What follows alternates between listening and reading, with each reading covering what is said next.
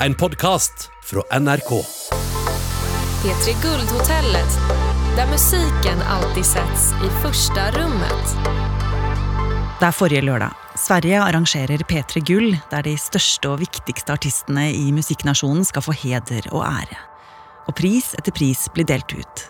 Stort grattis också till våra vinnare så här långt, Victor Lexell och Lik. Men når turen kommer til årets artist, kommer det bare en rask melding. Priset till årets hiphop R&B och årets artist delas ut till Yasin. Yasin kunde inte vara på plats för att ta emot sina priser. Yasin var nämligen ett helt annat sted. Han satt på en celle tiltalt för medvirkning i en rystande kidnappingssak. För politiet hade fått fatt i några oroväckande bilder som visade en man bunden och blodig iført dameundertøy. Hva var det som skjedde da en av Sveriges største artister ble involvert i denne sensasjonelle krimsaken?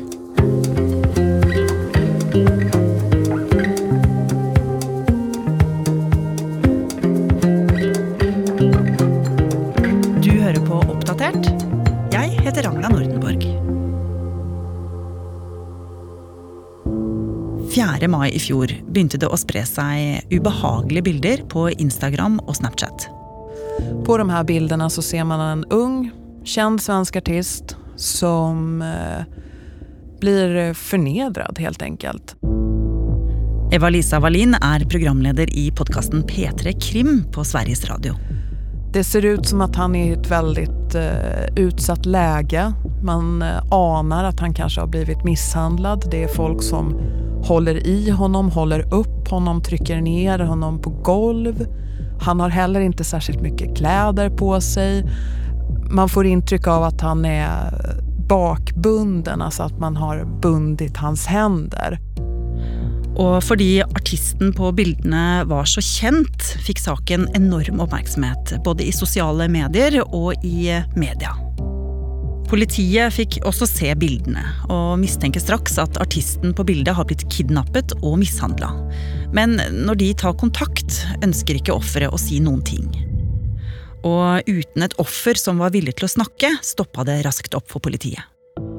Men så skulle saken likevel begynne å løsne. Noe som hadde skjedd i Frankrike året før, skulle hjelpe svensk politi langt på vei. For på den tida da politiet i Sverige slet med etterforskningen, fikk de en dag plutselig beskjed om at franske kodeknekkere hadde klart å dekryptere Anchorchat-telefoner. Modifiserte Android-telefoner som ble brukt av kriminelle i mange land til å kommunisere uforstyrret.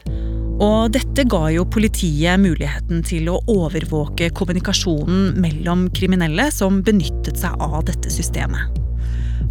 Man kan inte lyssna på samtal som rings med Encrochat-telefoner men däremot så kan man läsa meddelanden.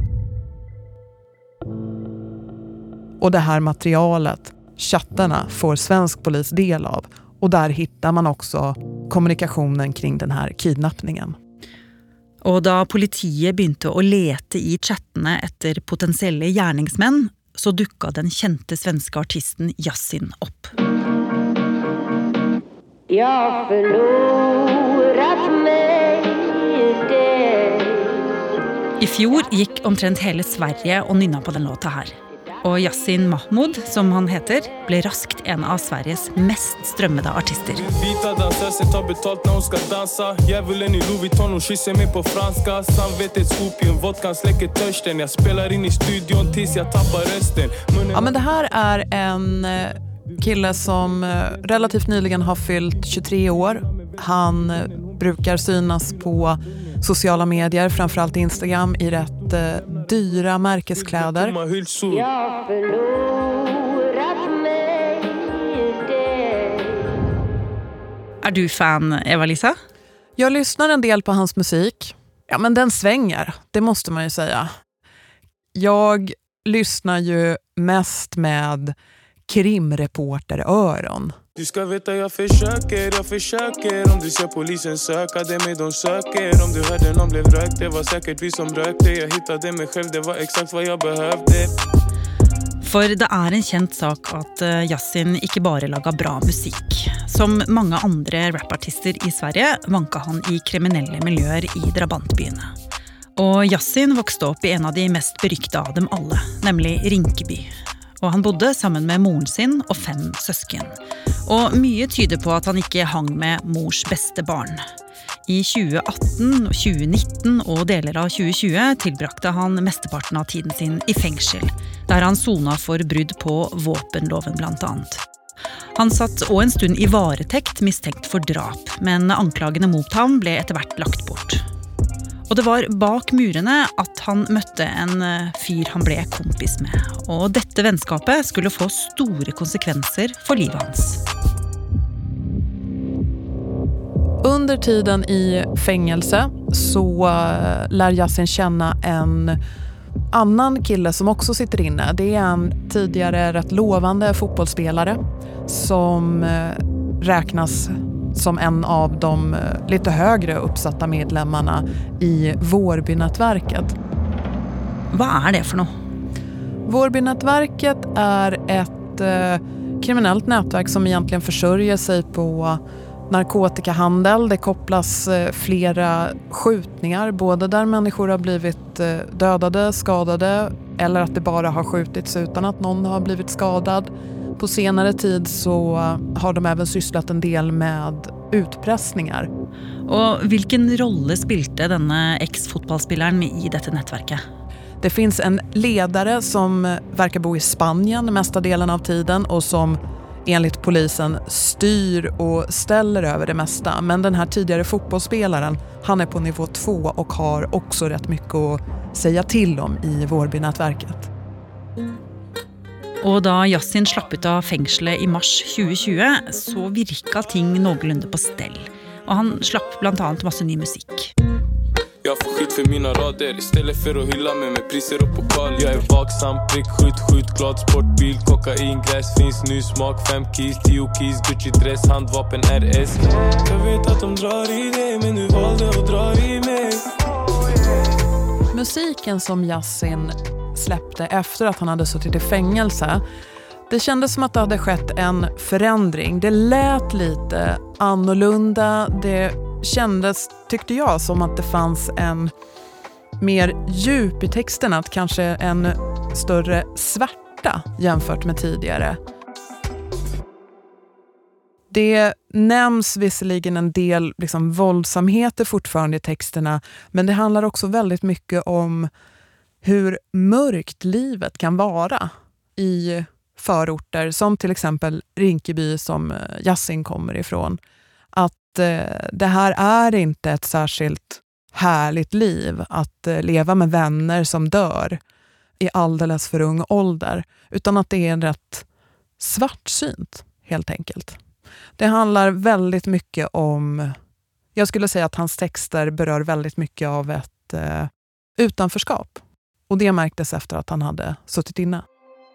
Så det kunde kanske se ut som om Yasin hade förändrat sig. Men så spurte SVT rätt ut om han hade lagt det kriminella livet bak sig.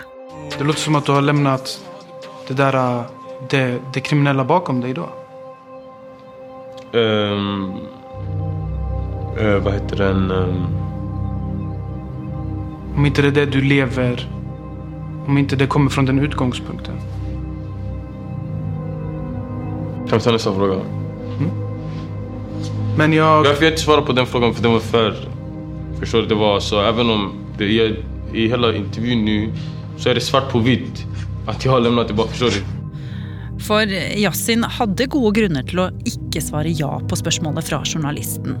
For politietterforskerne som satt med alle chatmeldingene, kunne jo se at Yasin i slutten av mars fikk låne en kryptert telefon. Og de kunne se at han chattet med kompisen sin fra fengselet, den tidligere fotballspilleren som var en del av det kriminelle Vårby-nettverket. Og at de to, og flere i dette nettverket, la en plan om å kidnappe den kjente svenske artisten. Og politiet kunne også lese om planene. Hvordan de skulle skaffe til veie kniv, strips og dameundertøy. Yassins oppgave var å lokke med seg artisten til et studio i Stockholm sentrum. Och så skulle folk fra Vårbynätverket dyka dukke opp og kidnappe artisten, enten i studio eller når de hadde dratt derfra. Och det blev också satt en dato för kidnappingen, den 30 mars 2020. Och da dagen kom, kunde politiet se att Yasin stadig gav beskjeder till kompisen sin om att han och artisten var på väg till studio och att de hade kommit fram. Men så skedde det något som skulle sätta en stopper för planerna. Det som händer är att Yasin och hans vänner de blir kontrollerade både inne i centrala Stockholm och vid en annan studio som ligger i Solna. Det är lite norr om centrala Stockholm. Man blir helt enkelt eh, nojig och tror att Aina eller polisen är ute efter dem, så man blåser av helt enkelt. Men på chattene kunde politiet se att de fortsatte å planlegge kidnappingen. Men nu var ikke lenger Yasin en del av det. Seint på kvällen den 14. april 2020 blev artisten med det han trodde var en vän till en lägenhet utanför Stockholm. Jag kan ju också bara föreställa mig för den här artisten, brottsoffret, en rätt ung person som kommer till den här lägenheten och förmodligen kanske rätt snabbt inser att det här är nog inte en så kul situation att vara i. Det måste ju kännas otroligt jobbigt. Han tror ju att han har följt med en vän eh, till en lägenhet men den här situationen blir ju någonting helt annat. Inne i lägenheten blev artisten truet til att ge fra sig gullkjedene sine och Rolex-klokka. Och hela tiden chattet de som var inne i lägenheten med chefen för Vårby-nettverket som var i Spanien. Han gav dem instrukser om vad de skulle göra och de sendte bilder tillbaka till honom. Artisten måtte ta på sig kvinneundertøyet, han blev rispet med kniv och misshandlad. Men det var inte över med det. Efter att de hade sluppet artisten fri, så fortsatte de å presse ham for penger. Men när de inte fick det, publicerade de bilderna av honom i sociala medier. Och nu har ju saken varit efterforskad i lång tid, och den har blivit en av de största krimsakerna på många år i Sverige. Och den omfattar nu många olika lovbrudd, och 30 personer är tilltalt. Och många av dem är från Vårbynätverket. Men också då artisten Yasin, som nu är siktad för medverkan till kidnapping. Og Eva-Lisa, varför gick han och de andra efter denne artisten? Vad skulle motivet vara? Ett uppenbart motiv det är ju helt enkelt pengar. Den här artisten är en av de mest framgångsrika, tjänar mycket pengar och det syns också dels på kläderna som han har på sig. Han publicerar ofta bilder på Instagram och andra sociala medier och även eh, dyra klockor och dyra kedjor som han har. Så att rent krasst ekonomiskt så är ju det här en person som har och visar att han har mycket pengar. När jag har läst polisförhören med personer som är nära den här artisten, då säger de också att ja, men det kanske finns en avundsjuka att det går så bra för honom. Att man vill trycka till honom för att han är en ung person med en lovande karriär. Jag har ju pratat med en del folk i och kring musikbranschen och även poliser. Och det är ju väldigt känsligt att prata om det här, men det finns en del snack om att personer som antingen samarbetat eller försökt samarbeta med artisten ska ha känt sig förfördelade, alltså inte helt nöjda med hur det har gått till. Det skulle också kunna vara del av motivet, men som sagt, det vet vi inte riktigt. Och Yasin som eh, mottog alltså den gjeveste musikprisen i Sverige för bara kort tid sedan, han nekter ju för att han har haft något med detta att göra i det tatt. Men vad tror du kommer att ske med artistkarriären hans framöver nu? Det är svårt att säga vad det kommer att bli av Yassins karriär. Jag har ju svårt att se att han kommer att bli, oavsett om han eh, blir fortsatt inlåst och fortsätter skriva och släppa musik, så har jag svårt att, han, att se att han kommer att bli nominerad till P3 Guldpriser de närmaste åren. Sen finns det ju... Det finns ett begrepp som kallas studiobandit som brukar användas och det är lite av ett skällsord om man inte har så mycket att backa sina bars med, det vill säga att man inte har en insikt eller insyn eller själv har kriminalitet i bagaget, då ska man heller inte rappa om det. Mm. Yasin är ju, om man ser på det begreppet, ingen studiobandit. Det har ju å andra sidan brottsoffret anklagats för att vara. Så för en viss publik så kan det här kanske till och med stärka hans varumärke. För andra så innebär det att man kanske slutar lyssna på honom. Men det där får vi se. Vi får ju se också om han fortsätter göra musik. Och framför allt om han blir dömd för det han är misstänkt för. Alla de tiltalte i saken sier de är uskyldige. Men många i Vårby-nätverket har sittet i varetekt under efterforskningen och det märker politiet. Så allerede nu snackas det om ett för och ett efter denna saken.